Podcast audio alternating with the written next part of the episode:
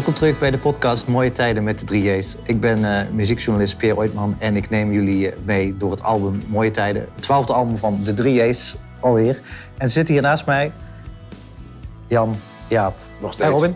Nog steeds. Uh, we hebben het in de vorige aflevering al even gehad over de, het ontstaan van het album Mooie Tijden. Ja. Uh, waar het begonnen is in het zomerhuis in Frankrijk. En hoe het idee ontstaan is om naar Los Angeles te gaan met Bob Clearmountain. De grote producer van onder andere Born in the USA. In deze tweede aflevering wil ik even focussen op het LA-verhaal. Want daar is de plaat opgenomen met niet alleen de 3J's, maar ook een keur aan sessiemuzikanten. Dus daar uh, gaan we deze uitzending wat verder op in. Los Angeles. Daar zijn jullie hoe lang geweest? Negen dagen. Dat is, dat is niet veel. Nee. Voor een album. Nee, we hebben uh, het, het, het, het, hele album in acht dagen opgenomen. Sterker nog, we hebben veertien nummers opgenomen. Mm -hmm. Waarvan er uiteindelijk tien van op de plaat komen. Dat zijn er ongeveer twee per dag dan? Ja, we hebben ontzettend snel gewerkt inderdaad. Want we hebben wel drie, drie, soms vier nummers per dag opgenomen met de, met de basisband dan. Mhm. Mm -hmm. En in de laatste twee, drie dagen hebben we, uh, hebben we nog uh, extra instrumenten toegevoegd. Ja. Uh, saxofoon, viool, ja, ja. percussie, ja. pedalsteel. Even voor het tijdsbeeld. Dit was vorig jaar, dus dat, was, dat waren die 80 shows, toch? Ja. ja. 80 shows in één jaar, dat is al best wel veel. Ja, het waren, het waren 80 theatershows. En er kwamen nog een heleboel andere optredens bij. Dus het waren echt wel... Uh, we gingen echt wel naar de, naar de, naar de 120 uh, shows toe of zo. Jullie hebben dan die 120 shows. En dan in één keer moet er binnen afzienbare tijd een album komen. Want er was een datum geboekt in de agenda van Bob Clearmountain. Ja.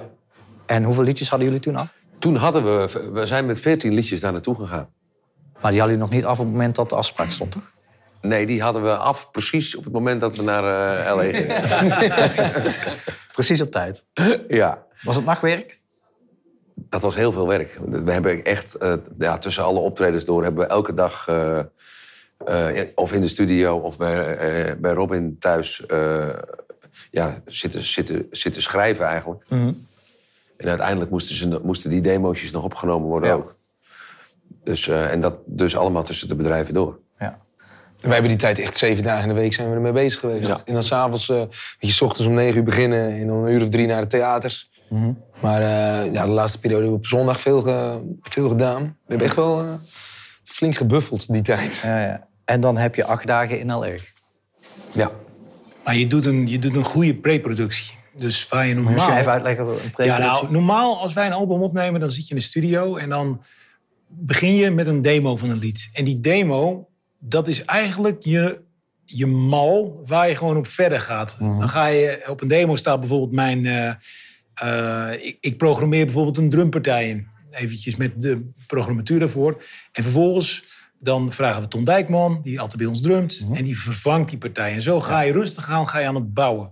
Dat hebben we nu heel anders gedaan. We hebben nu uh, heel duidelijk vastgesteld... wat is de toonsoort, wat is het tempo... en wat is de tekst, wat is de vorm.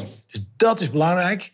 En dan gaan we kijken of we uh, met een goede, een goede partij muzikanten... dat gewoon op een manier kunnen opnemen dat het ook in één keer klaar is. Ja, in de eerste aflevering van de podcast hebben we al een van die demos gehoord. Ja. Dus uh, gewoon een ritme en een gitaar en de zanglijn. En dat Ja. was het eigenlijk. Ja. Mensen, ze zien me denken, kom ik hier ooit nog uit? En dan ga je naar L.A. met fantastische muzikanten. Met John Mayer, ik weet niet wie ze allemaal hebben gespeeld.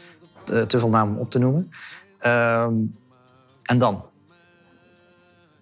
Nou, in eerste instantie uh, nemen we jullie even mee naar uh, Snake. Daar Snake. deden we het laatste, het laatste optreden, s'avonds laat, van een theatershow. We moesten, onze vlucht was gecanceld. KLM, het was uh, ten tijde van de... nou, de, dat De pandemie. ja. Dus wij moesten via Parijs. Dus we hadden een ontzettend lange reis eigenlijk voor de boeg. Met een overstap. Dus we kwamen er al aan met een behoorlijke jetlag. En we zijn gelijk vanaf het uh, uh, vliegveld zijn we naar uh, de studio gereden. En in de studio daar hadden we iemand die nam onze koffers. En die bracht onze koffers even netjes naar onze Airbnb. Mm. En Laurie had dan geregeld dat daar wat boodschappen in de ijskast stonden. En dat er in de studio in ieder geval wat te knabbelen was. Laurie Lieberman, voor de eerste aflevering inderdaad. die gehoord heeft. En de volgende ochtend, en dat was dan op een maandag, meen ik me te herinneren. Wij kwamen Ja, op een zondag aan. En die eerste maandagochtend begonnen wij al meteen met basistracks opnemen. Dus dat betekent dat je gewoon... eh, nou, de, de muzikanten kwamen om negen uur binnen, of om half tien. Ja. En om, eh, om elf uur dan, eh, of om twaalf uur s middags, dan wordt er gewoon afgetikt. En dan ga je. Nou, wij hadden natuurlijk een nacht gehad. Of tenminste, je, je wordt s'nachts om drie uur word je wakker. Dus zo begon eigenlijk het avontuur. Je had best wel een jetlag. Ja, we hadden een enorme jetlag. We hadden de avond ervoor hadden we nog... Robin was jarig op de eerste dag, meen ik me te herinneren. Ja, op de tweede dag. Maar dat hebben we, hebben we op zondag al... ge- we hebben de twee dagen gevierd. Ja. Maar we zaten echt... We zaten op zondag eh, zaten we in een restaurant, waren we aan het eten. En we waren helemaal kapot. Echt helemaal kapot. Dus Lori had geregeld dat er eh, een, een dessertje kwam met, een- met een vuurwerkje erbij. er zijn nog filmpjes van, maar daar zijn we echt helemaal naar de kloten. En, maar, maar wat wel lekker is, is, is dat de volgende dag waren we vroeg wakker. Dus wij waren eigenlijk al fit en, en ready to go. Ja. Maar die, die dag duurde ook best wel lang. Dus s'avonds waren we echt... Ja, dan moet je nog logisch na kunnen denken. Nou, dat was helemaal weg. Dat was echt... eh, Ah, dat is eigenlijk wat er meestal gebeurde. De ochtenden, daar was je op je sterkst Ja. gefitst. Omdat je natuurlijk gewoon... eh, je bent heel vroeg wakker. Maar naarmate de dag verstreek... ehm, merkte je gewoon dat je... Nou, smiddags om een uur of drie, vier...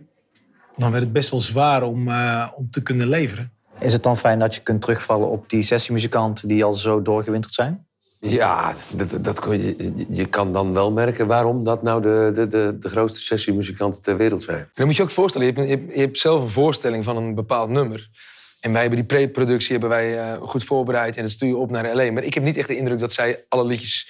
dat zij echt een week lang elke dag die liedjes hebben beluisterd. Ze kwamen binnen en stikte af. Ja, en wij, hebben die, dan die, wij begonnen dan met een liedje en dan lieten we die pre-productie horen of we speelden dat live. Nou, dan ga je de studio in, je gaat sound maken en je speelt het liedje voor het eerst. En ik had echt bij elk liedje, dacht ik, de eerste take van dit, dit is dit is het liedje. En dat is wel, dat kunnen zij zo goed. Zij Ja. hebben het liedje één keer gehoord zonder hun partij erop. En ze hebben meteen al een, een beeld van dit moet ik gaan spelen. En bij de eerste take was het al ja, was het eigenlijk goed. En dan ga je het nog een paar keer doen en dan wordt het alleen nog maar beter. Maar, maar ja, het feit dat ze dat meteen al zo goed invullen. En dan is het zo wat Robin net zei, van die gasten, je hebt, je hebt wel van die sessiemuzikanten, die proberen echt tien liedjes op een dag in te spelen. Maar deze, deze jongens deden mij heel erg denken aan, aan onze eigen band. Ja? Die gingen ook echt na een take kijken ze elkaar aan van, eh, ik ga toch wat anders proberen, andere snare erop. Ik eh, met elkaar in gesprek, weet je, van echt, we waren echt samen muziek aan het maken. Ja. Is het niet lastig eh, dat zij niet weten waar de liedjes over gaan? Want alle liedjes zijn natuurlijk in het Nederlands. Eh, ja, die vraag heb ik, eh, die hebben we al een, ka- een paar keer gehoord. En, eh, maar ik weet niet of dat lastig is. Eh, ik, ik denk eerder dat het een voordeel is. Waarom? Omdat zij, eh, zij beoordelen die, eh, die liedjes ook niet, eh, anders, omdat ze de tekst niet kennen. Ze weten niet waar het over gaat. Dus zij beoordelen die liedjes gewoon als eh, ja, puur op de muziek Ja. puur qua compositie. ja, ja. Ja, nogmaals, ik denk dat dat een voordeel is. Leg je wel uit waar het over gaat? Ja, dat hebben we wel gedaan. We hebben wel ook voor- Vertalingen. qua vertalingen hadden we, eh, we hadden het even door een vertaalmachine uh, Hoeveel translate? Ja, dat ging, dat ging op, op zich ging dat wel goed. In, in, in de Nederlandstalige muziek eh, heb je, je hebt ook heel veel voorbeelden van liedjes die eigenlijk qua liedje niet zo goed zijn. Maar omdat de tekst zo mooi is, vind je het een goed liedje. Ja, ja, precies. En, en, en dat heb je dan dus niet. Eh, eh, je moet echt met goede liedjes komen. Eh, want de tekst verstaan ze niet. Nee, precies, precies. dus, dus de melodie moet al goed zijn voor die De muziek. melodie moet goed zijn en, Exact, en, ja, ja. en, en, en, en het, eh, eh, en de compositie. Ja, ja. En de mooie tekst is dan mooi meegenomen. En als de tekst dan ook nog goed is, ja, dat is dan voor ons belangrijk, maar voor hun dus niet. Ja, precies. Over die, vertaal, eh, die vertaalsoftware, wat wel... ehm, je correspondeert heel veel in het Engels. Ja. Met muzikanten en met Laurie en met Bob en met noem het maar op. Dus op een gegeven moment ga je ook, omdat de tijd beperkt is... Ik deed dat gewoon. Dan denk je, ja, ik ga niet nadenken. Ik, ik, ik pak er gewoon een vertaler erbij en ik tik hem in het Nederlands... en translate en send. Maar soms, soms dan gebruik ik ook wel eens van die Nederlandse eh, uitdrukkingen. En Zoals? één op één... eh, ja, twee vliegen in één klap of zo, weet je. En dan stond er... eh, eh, two flies in one clap. You can tie his lasers Ja, je, je mag ze, je mag ze, wij mogen ze koffers niet eens dragen, zeg in Nederland. Maar in, in het, Nee, we mogen ze, we mogen ze ze veters ja, verstrekken. eh, Of eh, ja, zoiets. In, in het... Maar ja, lang verhaal kort, dat zorgde af en toe nog wel eens die vertaalsoftware voor eh, hilarische... In ieder geval tussen ons hilarische momentjes. Daar kan ik me iets bij voorstellen. Eh, de derde track op het album eh, is Tessel. Eh, en die is als een van de laatste nummers geschreven. Bij jou thuis. Ja, ja, we... Nou ja, wij- schrijven normaal eh, gesproken in de, in de studio in Volendam. Maar de energieprijzen waren zo hoog dat de kachel daar gewoon uitstond. En het was vrij koud. Dus toen zijn we lekker warm bij mij thuis gaan zitten. En ja, we waren een beetje aan het kijken van... Ja, wat hebben we nu tot nu toe geschreven? En wat past er nog op het album? We waren eigenlijk wel op zoek naar een, eh, een track die op... eh, ja, die we op festivals zouden kunnen spelen. En ook- ook- die ook in het theater zou, zou volstaan. Dus in die tijd luisterden wij alle drie veel naar Sam Fender. Ja. eh, Engelse artiest. eh, en we waren op zoek naar zo'n liedje. En daar is, ja, daar is Tessel uitgekomen. En dan kom je automatisch uit bij een saxofoon. Dan, dan, dan moet een saxofoon op, ja. En eh, is dat gelukt? Ja, dat is gelukt. We hebben, ja, we hebben een legendarische gast, Jimmy Zavala, hebben we weten te strikken. Hij was eh, ja, mondharmonica-speler eigenlijk van origine, maar speelde ook saxofoon bij de Eurythmics. Rod Stewart, Rod Stewart. Tom Petty. Ja, echt zo'n legendarische eh, Amerikaanse eh, sessiemuzikant. Ja, ja, ja. kwam ook binnen met zo'n sikkie, weet je wel. En, eh, je ziet hem echt, eh, echt zo'n gast die bij Bruce Springsteen op het podium kan staan. ja, ja, ja. Ja, die heeft hem wel, eh, heeft hem wel gerokt, ja. Texel is voor mij nog het paradijs.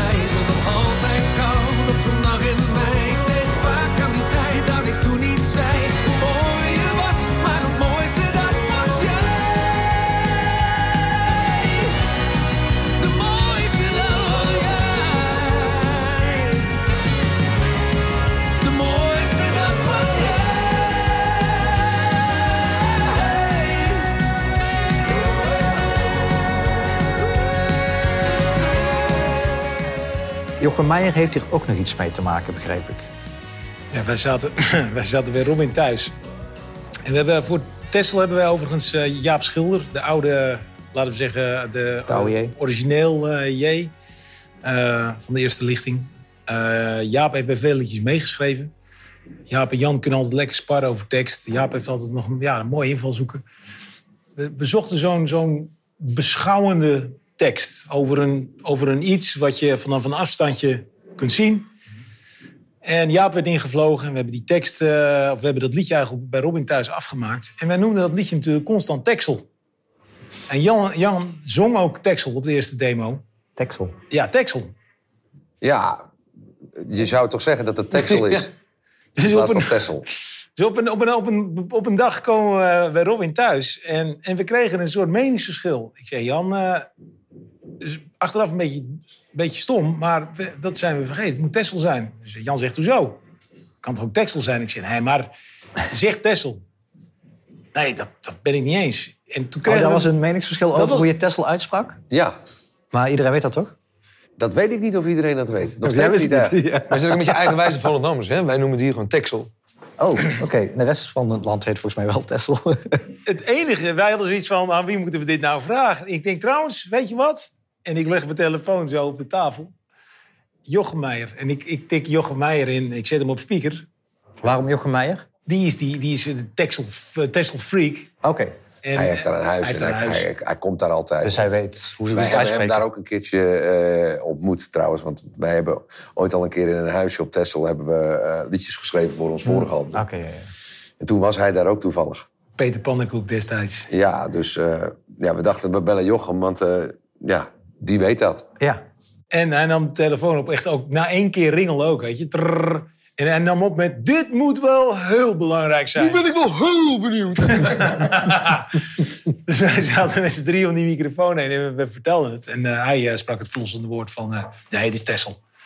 Dus eh, nou, dat was even het verhaal. Eh, toen van het moesten we het demootje even opnieuw even inzingen. Dus toen is het Tessel met een harde wind is koud in mei. En eh, uiteindelijk... eh, Vond hij het niet een beetje gek dat eh, naar, jullie Texel hadden gezongen? Nee, maar het is wel zo dat er... ehm, het is allebei correct. Dat benadrukte hij ook. Hij zegt alleen op Texel Texel zeggen ze Texel. Heel ingewikkeld allemaal. Ja. Voordat het hier op, een discussie hierover uit gaat lopen. eh, eigenlijk misschien wel het belangrijkste liedje op de plaat, de albumtrack, Mooie Tijden. Ja, waarom is dat überhaupt de titelsong geworden?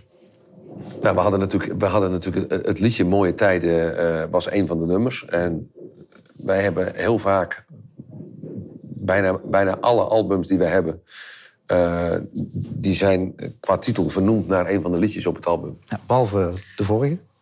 Behalve de aard van het beest. Maar dat is ook weer een verhaal apart. Want Ja. dat was ook een. eh, we hadden namelijk ook een liedje, De aard van het beest. Alleen dat liedje is niet op de plaat terechtgekomen. Het heeft niet gehad. maar we vonden de titel wel mooi voor, voor het album. Eh, maar mooie tijden, ja. Toen we op een gegeven moment dit, dit, dit pakket met liedjes hadden. Toen had ik wel een beetje het, het, het, het, het gevoel dat eh, mooie tijden een, een mooie, allesomvattende eh, naam is voor het album Ja. omdat het, het, het gaat voor het grootste gedeelte. Ja, alles gaat wel een beetje over eh, terugdenken aan vroeger en aan momenten die je hebt beleefd met geliefden of met vrienden eh, of, of met je kinderen of dat soort dingen. Eh, dus vandaar dat we toen het album Mooie Tijden hebben genoemd. En Het is alleen de, de, het, het liedje zelf, Mooie Tijden, dat gaat wel over een vriend die zelfmoord heeft gepleegd. dat is wel Dus heftig. het is een beetje een, een tegenstrijdige titel wat dat betreft. En eh, eh, eh, hoe kom je dan bij Mooie Tijden uit? De tekst gaat over, een, ja, over twee vrienden van elkaar. Waarvan, en, en, en een van die twee heeft zelfmoord gepleegd. En die ander die vertelt zeg maar achteraf over de tijden die die, de, de- dingen die hij vroeger met hem meemaakte. En ja, het is, een beetje, het is een beetje vreemd, maar uiteindelijk zeg je toch, ook als, het, ook als je dat soort dingen eh, meemaakt, van eh, dat waren nog eens mooie tijden.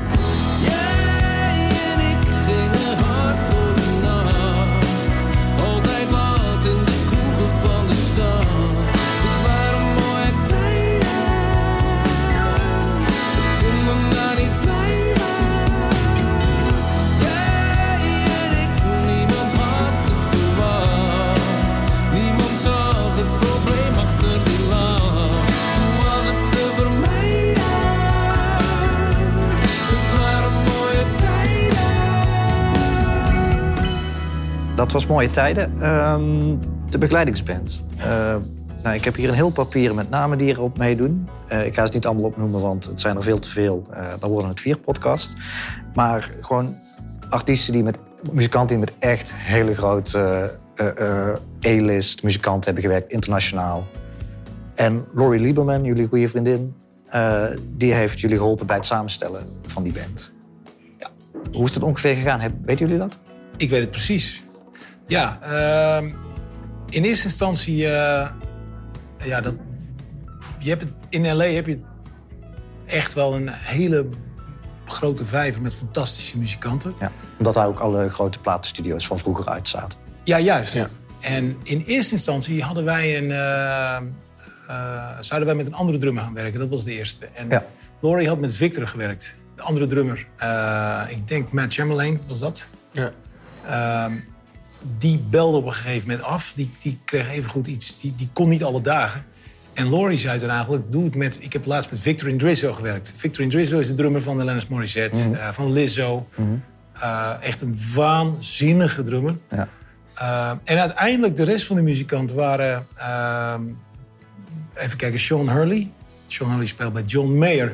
Ehm, speelt ook bij... waar zag ik hem nou laatst?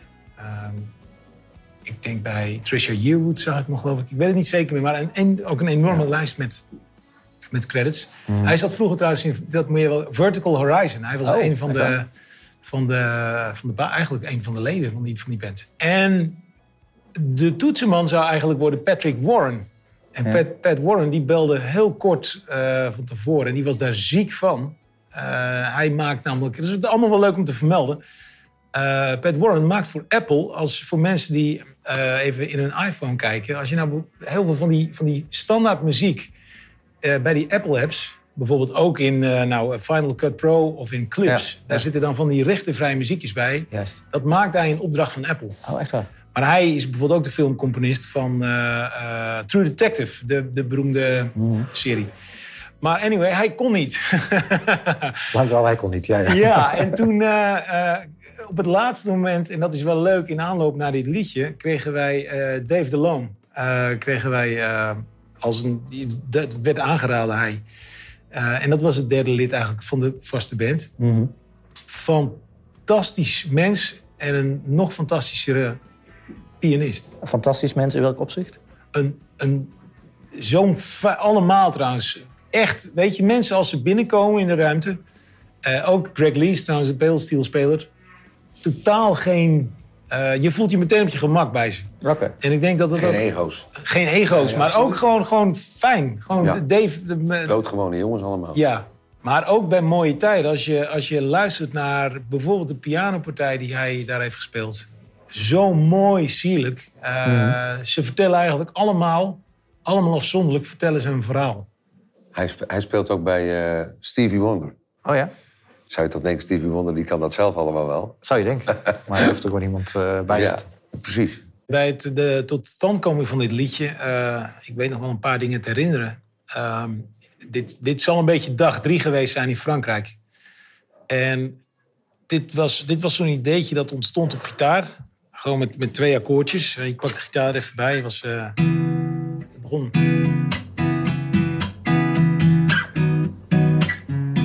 Dit was eigenlijk het dingetje waar we hem opgeschreven hebben. En dit was in het vakantiehuis in Frankrijk, waar je Juist. een aantal nummers hebt geschreven. En dan Ja. moet je, dan, dan is zeg maar het muzikale idee, dat is, eh dat is wordt... Da, da, da, da, da, da, da. Dat, dan alle, alle liedjes beginnen met ta, da, da, da, da. Ja. Ik moest een beetje denken aan Modern Words. Van. Ja, ja, nou. ja. Ik kan ook nog de demo, die, eh, we hebben hier uiteindelijk een demo van gemaakt... die nog een andere refrein bevat. Ja. Maar wat wel grappig is te vermelden... eh, zo werkt het hoofd van Jan Dulles. Dat is altijd Eh, interessant om te weten. Ja, dat is wel leuk. Die, Voor mij ook hoor. Wij hadden dus dat, zeg maar, laten we zeggen, het raamwerk van het liedje stond. Ja. En eh, meestal gingen we dan even lunchen. En dan, eh, dan uiteindelijk na de lunch, dan ging iedereen even naar zijn kamer. En dan, dan uiteindelijk druppelde iedereen weer binnen. En dan gingen we verder met zo'n liedje. En Jan was op een gegeven moment weg. Oh. Doet hij dat vaker? Nee.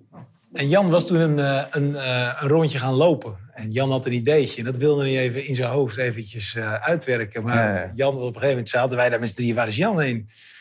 Maar op zo'n moment ligt ook zo'n creatief proces een beetje op zijn reet. Ik denk dat Jaap waarschijnlijk ook wel met iets bezig was toen. Met een, met een stukje tekst. En misschien wij waren wel met iets bezig. En Jan komt terug. Ja. En die had toen, laten we zeggen, de eerste aanzet gemaakt. Eh, want het is best wel een onderwerp. Je gaat niet zeggen, hey, zullen we even een, eh, even een eh, liedje schrijven over een eh, zelfmoord? Is dat leuk? Je hebt songwriters die zo te werk gaan. Ja, maar inderdaad. Maar dan moet je wel eventjes jezelf even terugtrekken. En, Ja, precies. Ik ga altijd, ik ga altijd wandelen als, ik, eh, Ja? als, ik, eh, als er teksten geschreven Krijg je dan de beste idee? Ja. Maar ook gewoon hier in Volendam hoor. Dus niet... Ook gewoon hier op de dijk. En, Ja. eh, dus al die als mensen jou hier zien rondlopen, dan weet je dat je met een liedje bezig bent. Ja. Het is goed om te weten voor mensen. Zien jullie Jan Dulles, laat hem met rust. Nee, maar we, we hebben nog ons best gedaan om te zeggen, eh, gooi het over een andere boeg. Wij Ja. vonden in eerste instantie het onderwerp nog wel een beetje te zwaar. En Mhm. eh, er zijn nog wel dingen wel aangepast, denk ik, in de tekst. Want dan een iets andere refrein, begreep ik. Het refrein zo, ja, het refrein. Laten we zeggen dat het liedje het liedje was. Mhm. Eh, en de, hier is gewoon een demo van. Van nou, zo moet het liedje worden. En uiteindelijk, toen we in aanloop van het vertrek richting Los Angeles, ik denk twee weken van tevoren, toen zaten we in de studio en toen Mhm. kijken we elkaar aan. Echt van, jongens, is dit nou echt het beste refreintje wat we kunnen schrijven? En we luisterden ernaar en, en we zeiden ook echt van, dit is echt ruk. Nou, wij vonden het nog wel goed. eh, ja. Laat dat eens even horen. Nou komt de arbeid te mouwen. Ja, ik kan het. Het, is, het was zo flauw. Komt weer. Aan de gracht ligt een terras te wachten. Dan komt het In refrein. een droom zitten we daar nog steeds. Jij en ik gingen hard door het midden van de nacht. Stapel Alle urgentie. wat in de kroegen van Het is heel anders, ja. Maar een mooie tijden. Zeg maar, alle urgentie van dat zware onderwerp, dat Ja. is totaal weg door dit. Dit is een soort, soort K3 Go Suicide, weet je? Ja. En, maar zij zei, wij vinden het wel een mooie refrein. Ik zeg, jullie, jullie zijn helemaal knetter. Maar ik- misschien was ik ook knetter. Want ik word altijd een beetje knetter richting het einde. en ik zeg, jongens, andere refrein. Met de bottenbijl erin. En op de een of andere manier was dat toen zijn we gaan Dus toen zitten. Jan weer toen een rondje gaan lopen eh, op de Nee, dijk. nee, eh, nee. Nee, ik, moet- ben daar, ik ben daar dan wel altijd bang voor hè, om, om dan een refrein weg te gooien. Ik kan me voorstellen. Want eh, dat kan ook ten koste gaan van de tekst natuurlijk. Ja, want dat is eigenlijk ja, de, de, de basis de van tekst, het lied ook. ja, precies. Dus we hebben het toen van elkaar gekregen om een, om een compleet nieuw refrein te schrijven. Maar wel eh, de tekst te behouden. Ja, precies. Dus dat, is, dat, dat liep gelukkig heel goed af. Wij hebben dit met de stroom, eh, liedje eh, nou, van het derde album van de 3A's. Eh, dat was geloof ik het derde refrein wat uiteindelijk dan de plaat houden. Maar je moet ook wel eens gewoon eens kunnen zeggen van ja jongens, dat is leuk. Maar leuk, eh, dat zei eh, onze manager dan altijd, ja Buis. leuk is een eh, konijn aan een touwtje en dan aaien. Dat is leuk. Maar soms is leuk niet goed genoeg. Nee, precies. Dat moet je gewoon wel eens durven. En in dit geval, dat zei Jan, dat pakt er goed uit.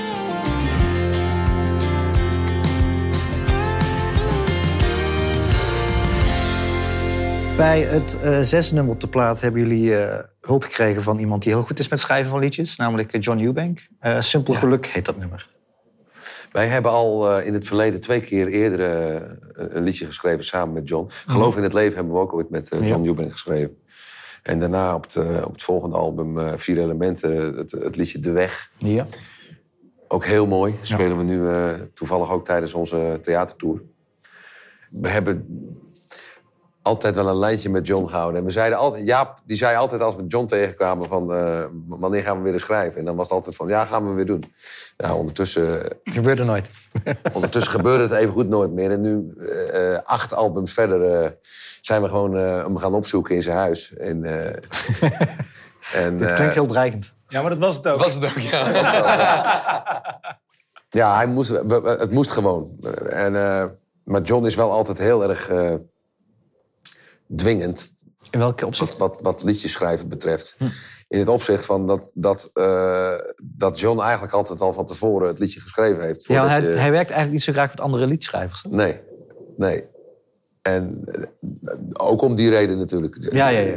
John is te eigenwijs. En eh, hij heeft ook, eh, natuurlijk ook het recht om eigenwijs te zijn. Zeker. Dus Voor de kwamen- mensen die het niet weten, John Eubank heeft alle grote hits van Marco Borsato geschreven. Precies. Dus waarvan er een stuk of twintig op nummer één zijn terechtgekomen. Precies. Ja, ja. Maar goed, wij zijn ook eigenwijs, dus van ons kan hij dat allemaal wel hebben. Mhm. Alleen toen wij daar dus aankwamen, toen had hij dus ei- eigenlijk al een heel liedje klaar. Qua eh, eh, akkoorden, qua hoe hij dat wilde gaan invullen, qua melodie. Eigenlijk alles had hij al. Nou, hij kon eigenlijk niet, hè? hij wilde eigenlijk afzeggen. En toen zijn we in de auto gestapt en zeiden nee, wij zijn al onderweg. Wij komen er nu aan. Echt waar? En in de auto zei hij, ja, ik heb een ideetje. En dan stuurde hij een paar dingetjes, dingetjes door. In, bij de tijd dat wij in, eh, wat woont hij in Hilversum? In Laren. In Laren waren, was dat liedje eigenlijk al af. dus zo snel is hij. Ja, ja, ja. Dus hij had eigenlijk niks. Nou, hij heeft dat echt in de mum van tijd. En wij, wij zaten op zijn kamertje. En eh, ik, heb, ja, ik, ik heb zelden drie... Ah, we, drie... hebben, we, hebben nog wel, we hebben nog wel daar voor de vorm eventjes wat We hebben wel de tekst Tuurlijk, tuurlijk, tuurlijk. Ja, weet je, uiteindelijk verander je daar nog wel dingen. Maar het, het Ja. idee, weet je, het grote idee, dat stond echt wel. En wat hebben jullie dan eh, gewijzigd? Want jullie komen aan bij John Eubank. Hij zegt van, oh, leuk dat jullie er zijn. Eh, en ik heb een liedje voor je. En wat dan? Ja, nou ja, er was sowieso nog geen tekst. Dus hij, Ah, had, dus hij, had, hij had één zin tekst. En En dat was? als iedereen eens wist hoe, hoe, simpel eh, het soms is.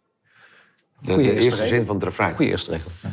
Ja, dus, eh, dus toen zijn we wel, eh, om, omdat hij dat zo snel klaar was met die muziek, zijn we met z'n allen gelijk met die tekst begonnen. Oké.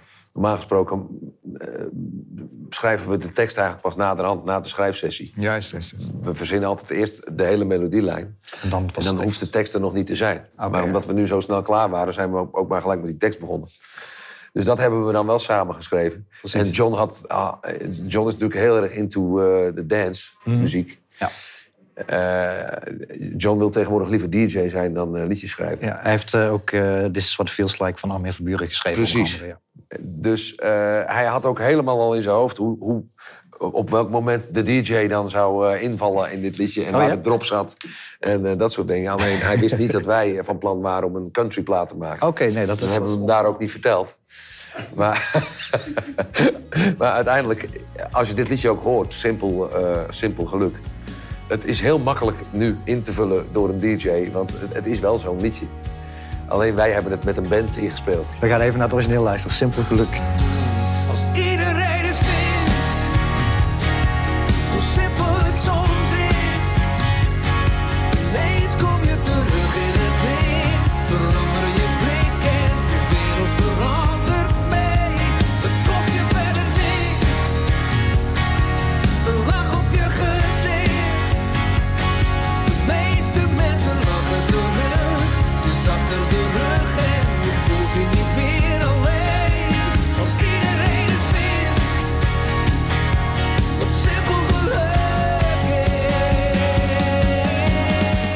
simpel geluk. En ja, de, de drummer viel wel op.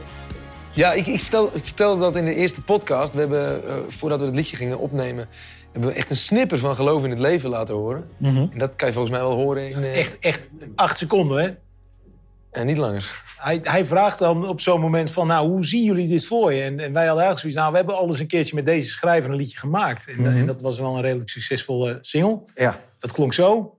En dan acht seconden later zet je hem uit. En hij speelt hem in. En hij heeft dat al in zijn kop. En hij drumt hem eigenlijk zoals Ton Dijkman hem zou drummen. Onze eigen drum. Ja, precies. Ja, ja. Dat je ook echt denkt van, ja, hoe is het mogelijk? En eh, op simpel geluk eh, doet hij dat gewoon nog een keer. Ja, ja. We zijn aan het einde gekomen van deze eh, tweede aflevering van Mooie Tijden met de 3J's. We hebben nog een paar nummers over op de plaat.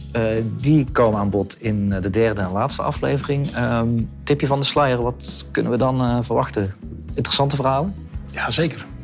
Volgens mij wel. Volgens mij gaan we dan eindelijk dat verhaal van Robin vertellen. Ja, daar ben ik wel heel benieuwd naar. Ja, Wij ook. Kan ik hier nog onderuit komen?